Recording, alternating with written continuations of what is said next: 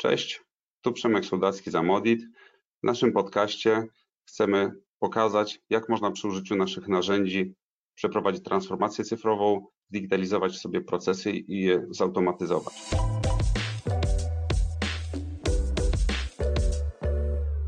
Cześć Gabriel. Cześć. To może w ramach rozpoczęcia byś powiedział parę słów o sobie. Czym się zajmujesz w ramach e, naszej firmy? Jestem konsultantem od czterech lat w firmie Astrafox, konsultantem wdrożeń systemu Amodit, czyli wdrożeń elektronicznego obiegu dokumentów. Mamy dużo różnych obszarów, w których działamy. Ja, można powiedzieć, specjalizuję się i najczęściej e, zajmuję się wdrożeniami dokumentów, umów, generalnie cyfryzacją działu prawnego, można to tak nazwać, ale to nie dotyczy tylko działu prawnego, bo całej firmy, natomiast to dział prawny jestem najbardziej, najczęściej zainteresowany. Jasne, czyli tak konkretyzując, zajmujesz się umowami wszelkiej maści i wszystkim, co jest wokół tego. Tak, można tak powiedzieć, umowami. Te umowy dzielą się na umowy zakupowe, sprzedażowe, y, umowy z współpracownikami, umowy z pracownikami, czyli umowy o pracę, umowy o dzieło, y, inne cywilnoprawne, i też inne dokumenty, pełnomocnictwa, jakieś uchwały. Okej. Okay. No jeśli e, tu wspomniałeś umowę o pracę czy umowę zlecenia, to tak naprawdę już wychodzimy poza dział prawny, a wchodzimy w dział HR. E, tak, właściwie tak. No, dotyczy to bardziej HR-ów. Chociaż jeśli chodzi o, o cywilnoprawne, no to tutaj też dział prawny często je opiniuje, tak? bo te, te umowy mogą mieć e, bardzo różną treść. Mhm. Umowy o pracę można powiedzieć, że muszą zawierać pewne elementy, które są wymagane, natomiast cywilnoprawne to już dosyć dowolnie. Okej. Okay. E, to jakbyś pokrótce omówił właśnie te typy umów i Mm, jakby do czego one służą i jaka tam jest specyfika, tak? bo chyba zacząłeś od umów sprzedaży. Podzieliłbym te dokumenty na, na takie, które są zawierane między, między firmami i tutaj zarówno umowy sprzedaży najczęściej, bo jeśli już jest umowa, to raczej do, sprzedajemy do firmy, nie do jakiejś osoby fizycznej. Umowy zakupu no, też nam wpadają w ten obszar. Natomiast inne dokumenty, to właśnie umowy o pracę są dosyć specyficznym dokumentem, albo umowy cywilnoprawne, często specjaliści są zatrudniani na, na jakieś umowy cywilnoprawne, kontrakty. Te umowy mogą zawierać chociażby przeniesienie praw autorskich i to się wiąże z, generalnie z rodzajem podpisów elektronicznych, bo ten obszar podpisywania, cyfryzacji obiegu umów no jest związany z tym, jak ta umowa na końcu jest podpisywana. I często jest podpisywana podpisem elektronicznym, i tu może na razie tylko zasygnalizuję temat, że niektóre umowy specyficzne wymagają formy podpisu kwalifikowanego, elektronicznego, czyli równorzędnego podpisowi odręcznemu. Mhm. Ale znaczy, większość... to, to, możemy się jakby nad tym zatrzymać, tak? Bo to jest jednym z elementów tego zarządzania umowami, tak? no bo to nie chodzi tylko o przechowywanie czy przygotowanie tych umów, czy późniejsze wyszukiwanie, ale też właśnie ten proces podpisywania. Co jest możliwe, jakie możliwości daje Amodit w zakresie e, tych właśnie podpisów? Amodit razem z e, modułem, który nazywamy Amodit Trust Center, pozwala nam już po przygotowaniu tej umowy podpisać ją właśnie elektronicznie. Jednym z kilku rodzajów podpisów. Bo mówiłem wcześniej o tych podpisach kwalifikowanych, no więc przede wszystkim możemy taką umowę podpisać e, podpisem kwalifikowanym, właściwie dowolnym, wydanym w Polsce, czy też nawet w Unii Europejskiej. Oczywiście wymaga to, żeby osoba podpisująca ten e, podpis wcześniej posiadała, posiadała zestaw do, do tego podpisu. Natomiast taki, takie oprogramowanie służące do, do tych podpisów może być zintegrowane z Amoditem i to z poziomu Amodit dokument może być podpisany. Poza tymi podpisami kwalifikowanymi y, możemy podpisać umowę podpisem mm, zaawansowanym, tak zwanym.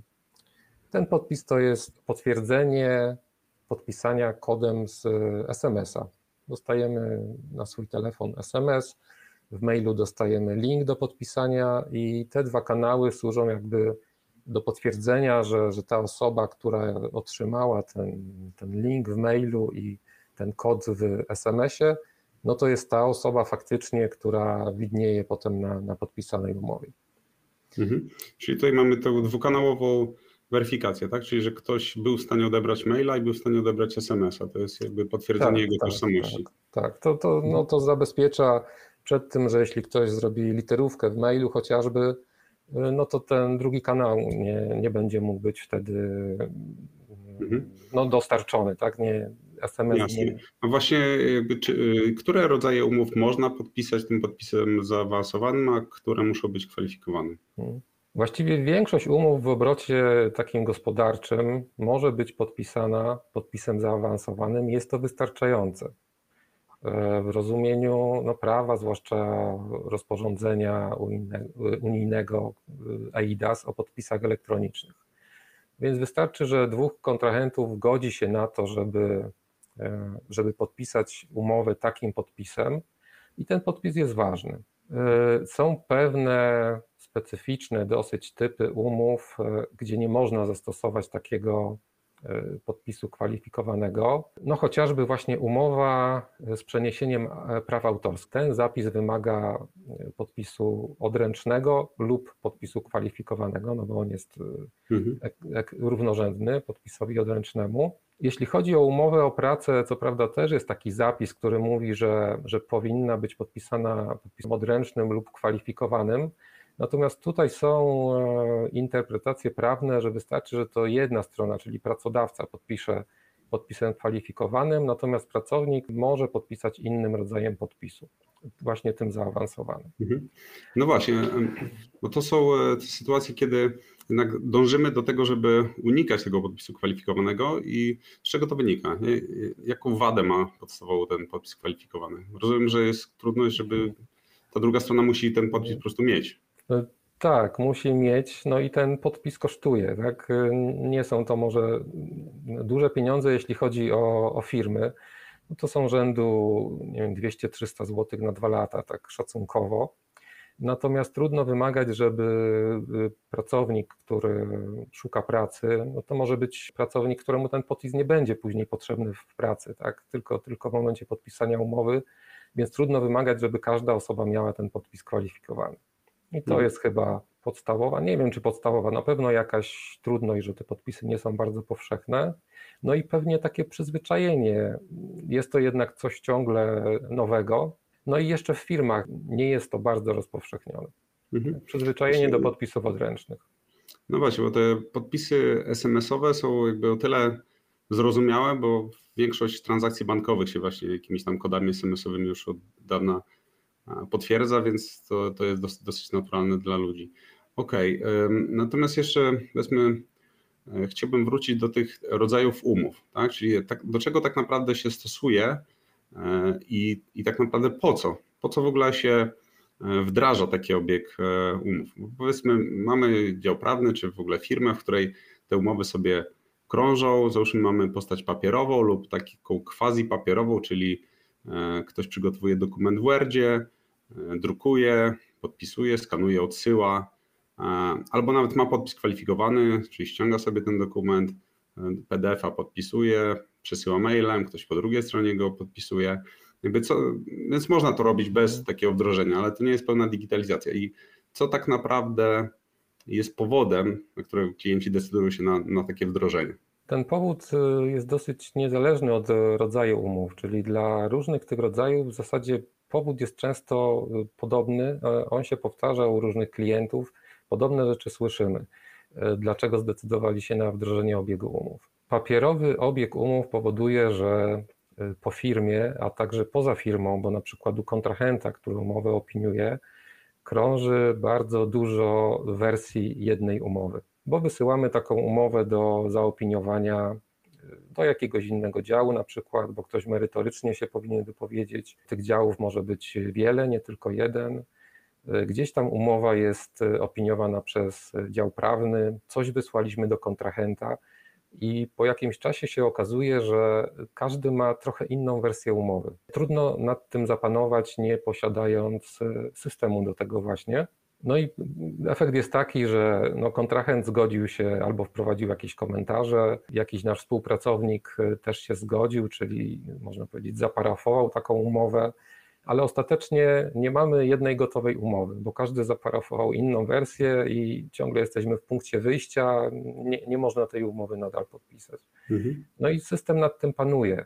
Panuje nad tym właśnie, żeby nie powstawały te różne wersje umowy. Po pierwsze, panuje nad tym, że mamy jedno miejsce, gdzie wiemy, że jest ostateczna wersja umowy, to jest właśnie system komputerowy, a po drugie też ułatwia taką wspólną pracę nad umową, bo możemy. No właśnie, zapewnić... Czy można w kilka osób pracować nad tą umową w tym samym czasie? Na przykład, żeby sobie parę osób w Wordzie sprowadzała jakieś tam poprawki, komentarze, czy, czy to jest tak, możliwe?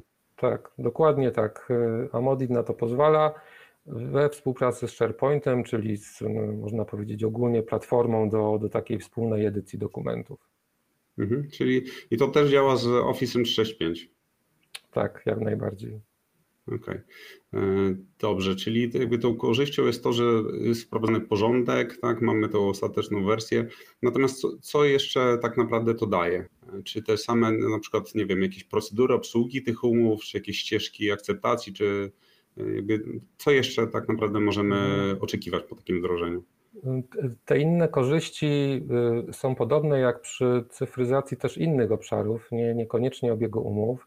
To znaczy daje nam to usystematyzowanie procedur, czyli mm, trzymanie się jakiejś procedury w firmie. System nie pozwala nam na jakieś y, elastyczne obchodzenie ustalonego procesu, tylko jeśli wiemy, że jakiś rodzaj umowy musi przejść przez dział prawny zawsze, to system nie pozwoli ominięcia tego. Więc wiemy, że umowa na końcu finalnie przeszła taką ścieżkę, jaką, jaka jest wymagana, jaką powinna przejść. Mhm.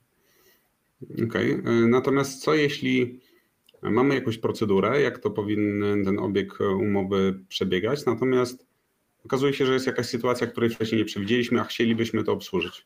No na to mamy różne metody. Jeśli to jest sytuacja jednorazowa, no to trzeba to zrobić niestety poza systemem, ze świadomością, że to jest jakieś obejście procedury.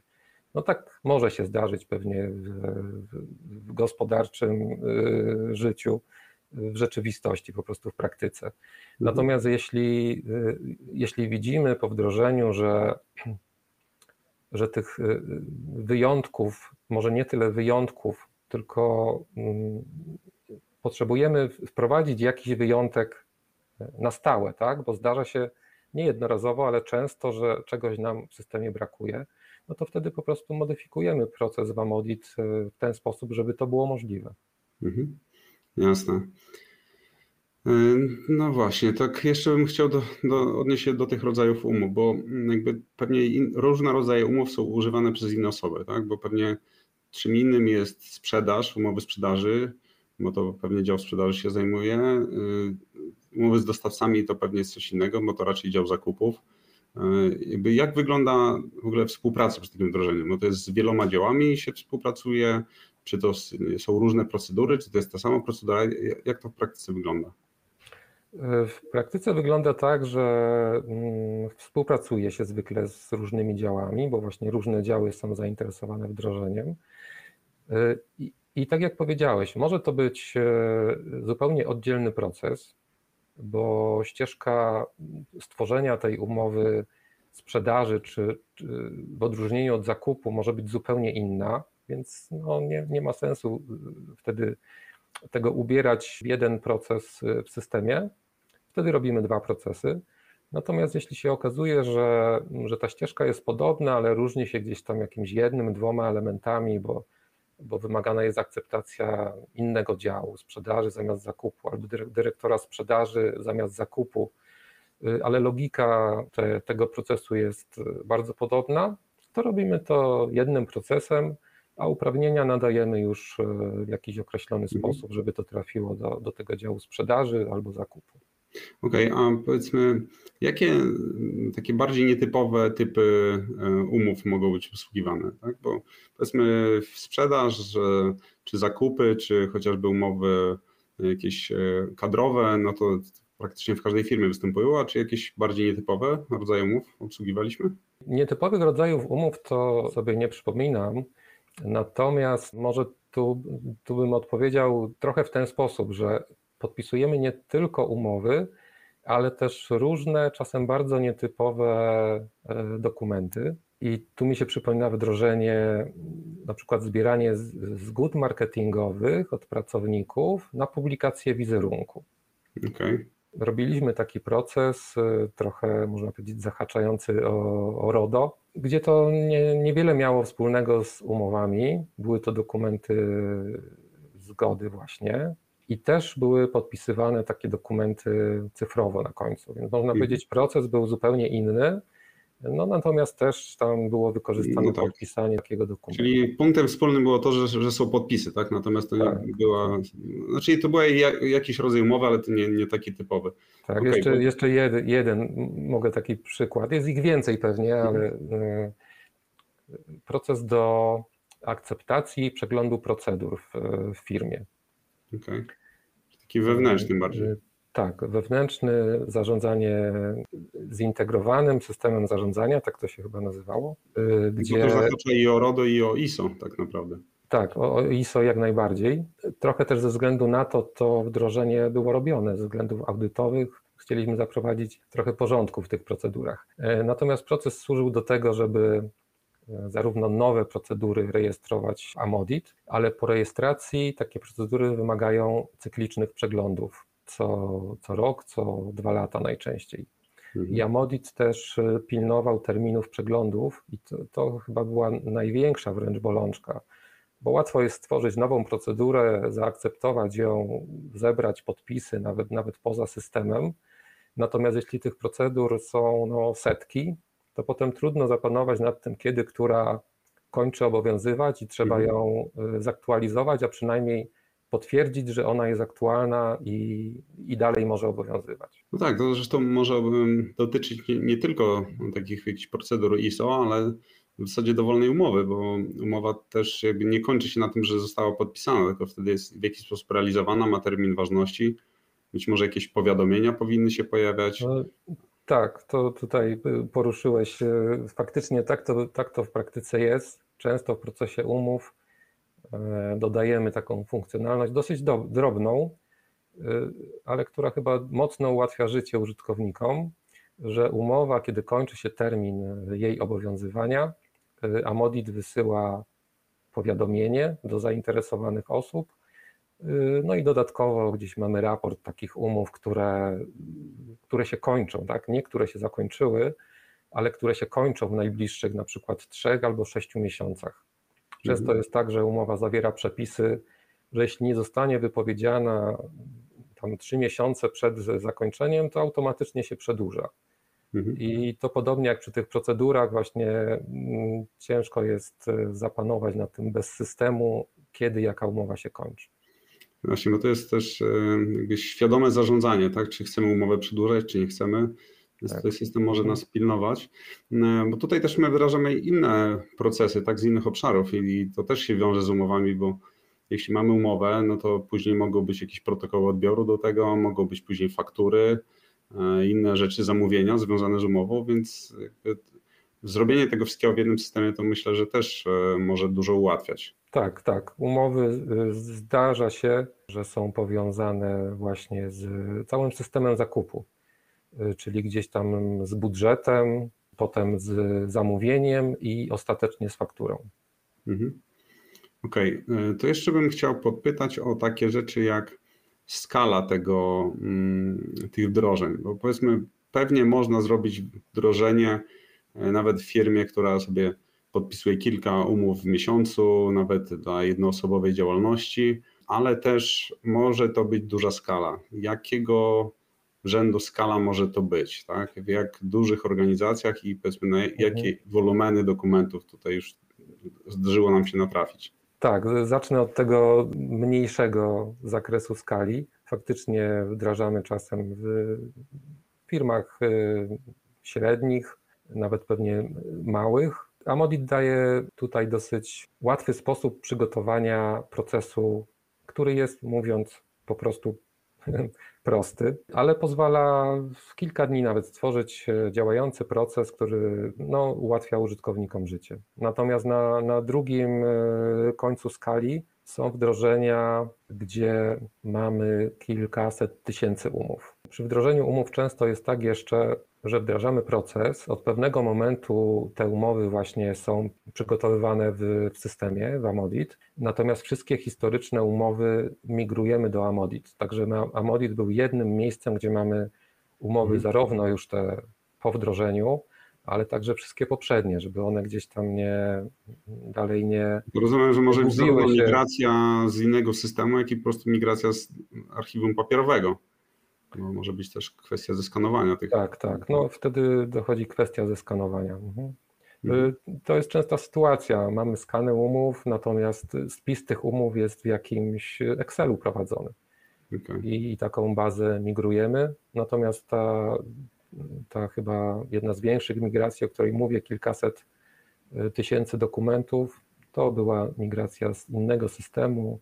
Nasz dział rozwoju zrobił do tego specjalną aplikację, ponieważ otrzymaliśmy dane w XML-u o tych umowach e, i właśnie w tym formacie zaimportowaliśmy je do Amodit. Czyli to jakaś dedykowana aplikacja do migracji z tego formatu. Tak. A, a jeszcze pytanie takie, jeśli już mamy to, powiedzmy, mamy umowy w jakimś systemie, to dlaczego powinniśmy je zmigrować do, do Modita? Jakby w czym ten Modit może być lepszy od, od jakichś tam innych systemów? Bo chociażby na, na, na tym przykładzie, dlaczego to w ogóle było migrowane? We wszystkim może być lepszy. No jasne, ale jakieś takie, mhm. na przykład dlaczego klient się zdecydował, no bo powiedzmy miał system, miał elektronicznie, ale mimo wszystko zdecydował się na e, zmigrowanie tego do Modita. Z czym był problem wcześniej? Ten konkretny klient po prostu używał Amodita już od kilku lat, wdrażał coraz to nowe procesy i to była jego decyzja, tak, że z jakiegoś innego systemu chce zrezygnować. Dokładnych powodów nie wiemy, mhm. natomiast możemy się domyślać, że nasza obsługa, zarówno wdrożeniowa, jak i serwisowa, tutaj e, trochę wygrała, skoro, skoro mhm. przejęliśmy tą, tą działkę naszym systemem. Mhm. E, może jakiś system e, nie był rozwijany już tych powodów może być dosyć sporo, nie wszystkie je zawsze znamy. Wydaje mi się, że też czasami jest kwestia zarówno tej elastyczności, tak jak wspomniałeś, też takiej jakby kompleksowości, że w jednym systemie mamy i umowy, i wszystko inne, natomiast też kwestie wydajnościowe, tak, bo to jest coś, co, co ma duże znaczenie dla, dla klienta i tak jak mówimy o wolumenach kilkuset tysięcy dokumentów, no to żeby to całe wyszukiwanie, przeglądanie i tak dalej, żeby to działało dobrze, no to też to jest jakieś wyzwanie. Mhm. I, I właśnie też takie ciekawe pytanie, czy jeśli mamy te, chcemy te umowy sobie zdigitalizować, przejść taką całą cyfryzację e, działu prawnego, czy też ogólnie umów, e, to czy klienci wolą to robić w chmurze, czy wolą u siebie, czy jakby zdarzają się oba takie przypadki? E, zdarzają się oba przypadki. Myślę, że trochę zależy to od branży klienta. Są takie branże, no chociażby bankowa, które przynajmniej z naszej perspektywy wdrożeniowców, no jednak prowadzą wszystko na swojej infrastrukturze. Zależy to pewnie trochę też od przepisów i wielkość klienta też chyba jednak ma znaczenie, że duzi klienci częściej mają infrastrukturę u siebie, Natomiast y, mniejsi nie chcą utrzymywać infrastruktury, wtedy mogą skorzystać z naszej chmury. Mhm. No tak, bo to może być związane z tym, że jednak utrzymanie infrastruktury, zarządzanie nią to jest kosztowna rzecz.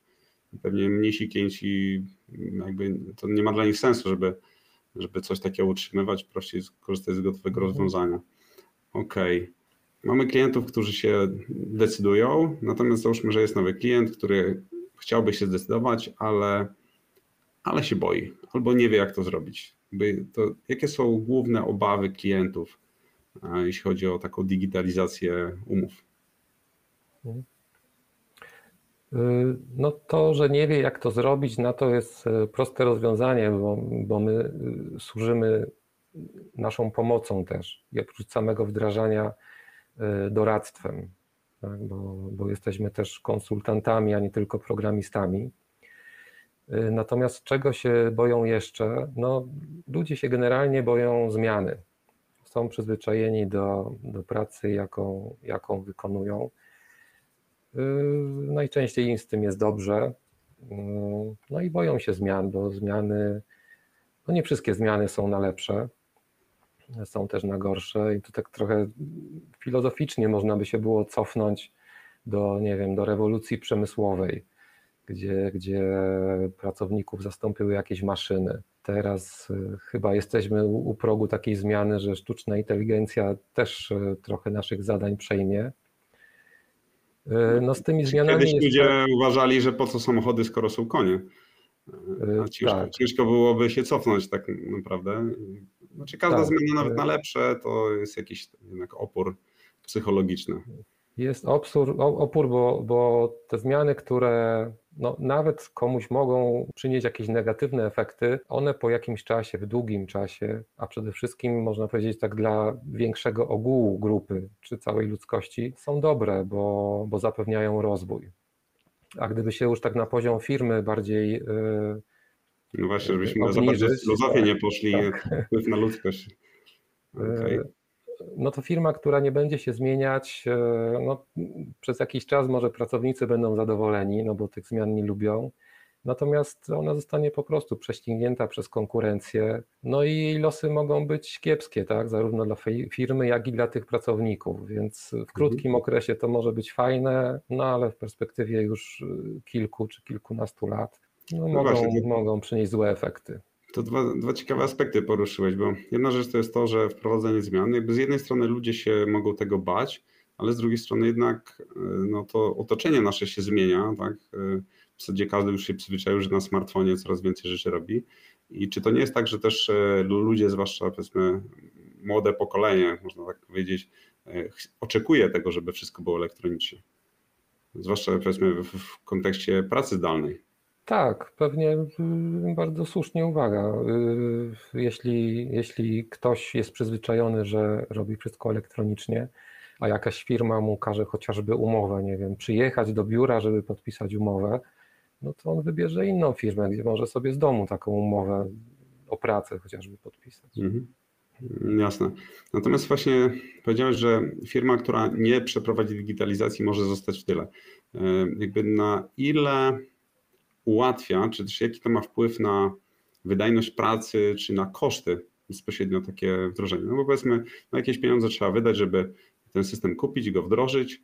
Każdy menedżer oczekuje jakiejś stopy zwrotu, także jednak te wydane pieniądze wrócą, na przykład poprzez ograniczenie kosztów. Jakby w jaki sposób to ograniczenie kosztów może nastąpić? Chyba nie, nie poruszę tutaj e, najistotniejszych rzeczy i naj, największej części tych kosztów, no ale chociażby wdrożenie mm, tego przykładowego elektronicznego obiegu umowy powoduje przede wszystkim duże przyspieszenie przygotowania i podpisania umowy. To po pierwsze, a czas to pieniądz, wiadomo. No, czas pracy ludzi to przede wszystkim pieniądz. Tak. A po drugie, chociażby przesyłanie tej umowy w wersji papierowej do podpisu kurierem. Jeśli tych umów, no nie wiem, mamy tysiąc rocznie, no to powiedzmy tysiąc przesyłek kurierskich czasem jakichś ekspresowych, bo to często jest tak, że umowę na ostatnią chwilę gdzieś tam musimy mhm. podpisać. Natomiast to ma na pewno wpływ też na, na ogólną pojętą wydajność pracy pracowników. No i tu już e, pewnie to jest trochę trudniejsze do policzenia. Jeszcze jeden przykład mi przyszedł do głowy, właśnie związany z, z wydajnością. Nie tyle wdrożenie elektronicznego obiegu umów, co korespondencji też czasem przy wdrożeniu jest tam gdzieś opór e, tych osób obsługujących korespondencję, no bo nagle się okazuje, że dane korespondencji trzeba gdzieś wpisać do jakiegoś systemu. Czego wcześniej może nie robili, może w Excelu łatwiej się uzupełniało książkę e, nadawczą czy, czy PIS przychodzących niż w systemie. E, natomiast pod koniec wdrożenia się okazuje, że no dobrze, to teraz jak zastąpić te, te wpisywane gdzieś tam w zeszytach przesyłki wychodzące? No i wtedy pokazujemy, że jeśli będziemy korespondencję od początku tworzyć w systemie, to na końcu wystarczy sobie kilkoma kliknięciami wygenerować raport i to, co było mozolnie gdzieś tam wpisywane do zeszytów, to nam teraz daje system. To jest często takie na końcu, o wow, to, to ja już tego nie muszę wpisywać tutaj. No nie, nie, nie trzeba, bo, bo zastępują na, nas w tym system. No chyba... Tak samo pewnie jest z umowami innymi jakimiś dokumentami typu pełnomocnictwa, jakieś tam protokoły, że one mogą być w dużym stopniu jakoś automatycznie generowane, numerowane, mogą się robić raporty, zestawienia. Tak? No tutaj to raportowanie, to jakby niewiele o tym mówimy, ale jednak może być potrzebne raportowanie e, po umowach, tak? Na przykład ile mamy jakich umów, kiedy wygasają, to co wspomniałeś, e, czy chociażby na jakie kwoty umowy podpisaliśmy powiedzmy w danym kwartale. Tak, tak, Więc... tak y, y, jak najbardziej. Gdzieś tam na początku chyba mówiliśmy o takim e, usystematyzowaniu procesów i trzymaniu się procedur. I teraz jeśli korzystamy z systemu, jeśli ta umowa została od początku przygotowywana w systemie, no to wiemy, że ten raport systemu nam pokaże cały komplet, że tam nic nie będzie pominięte.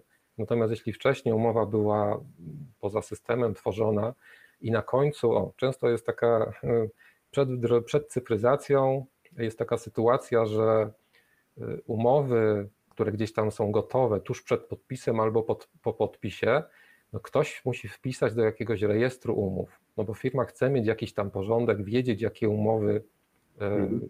podpisuje, no więc jest coś takiego jak rejestr umów, na przykład w Excelu, no tylko czasem się zdarza, że ktoś jakieś umowy zapomni, tak? bo szybko trzeba było podpisać, no i mamy niby rejestr umów, tylko nie ma tam 5% ogółu umów, no bo ktoś zapomniał wpisać. No tak, coś przetrzymał na biurku albo w szufladzie. Tak, tak. W systemie mhm. nie ma tej możliwości, bo ten rejestr na, nam powstaje automatycznie. I mamy tak, pewność, że tam już, już w trakcie tworzenia umowy tak. ona de facto w rejestrze jest. Tak. Mhm. Jasne. No to na, na pewno jest, jest korzystne. Czyli może tak bym jeszcze podsumował na koniec tego, co wymieniałeś rzeczy, to jest takie uporządkowanie tych wszystkich umów, e, przestrzeganie procedur, e, zmniejszenie kosztów de facto, zarówno takich bezpośrednich, jak i kosztów pracy, tak? czyli zwiększenie te, tej, tej wydajności pracy. E, tak, czy coś jeszcze pominąłem? No, myślę, że te na, najważniejsze rzeczy wymieniłeś. To jeszcze pytanie jedno na koniec. E, załóżmy, że ktoś mówi: OK, fajnie, chcę to mieć. E, ile czasu zajmuje takie wdrożenie? Oczywiście to zależy od skali, ale powiedzmy, jaki to jest rząd wielkości, żeby wdrożyć sobie taki, e, taki obiekt dokumentów, no, konkretnie umów lub też jakichś tam innych prawnych dokumentów. Mhm. To tutaj znów dwa, dwa końce skali. Na tym krótszym Y, wdrożenie w całkiem dużej firmie handlowej, natomiast wdrożenie jednego tylko konkretnego rodzaju umów. Więc można powiedzieć wdrożenie małe na naszej chmurze. Podaliśmy miesiąc chyba na to wdrożenie, natomiast tak naprawdę dwa tygodnie to trwało. Tak? I firma już mogła elektronicznie podpisywać produkcyjnie umowy. Y, natomiast na drugiej skali jedne z większych wdrożeń powiedziałbym około 9 miesięcy mhm. powiązane z, na przykład z budżetem, z zamówieniami. Okay, czyli ze względu na jakby mnogość rodzajów umów i, i jakby komplikacje tych procesów, tak, podpisywania. Tak, mhm. myślę, że zwłaszcza to połączenie też z innymi procesami w firmie, no to jest zwykle bardziej pracochłonne. Mhm. Trzeba na to poświęcić więcej czasu. Jasne. No dobrze, to nie mam więcej pytań. Dzięki za rozmowę. Mam nadzieję, że tutaj i będzie to inspiracją dla osób, które się jeszcze wahają co do, co do digitalizacji swojego obszaru prawnego.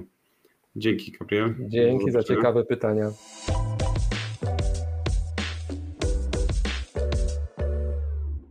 Zainteresowała Cię tematyka? Chcesz dowiedzieć się więcej?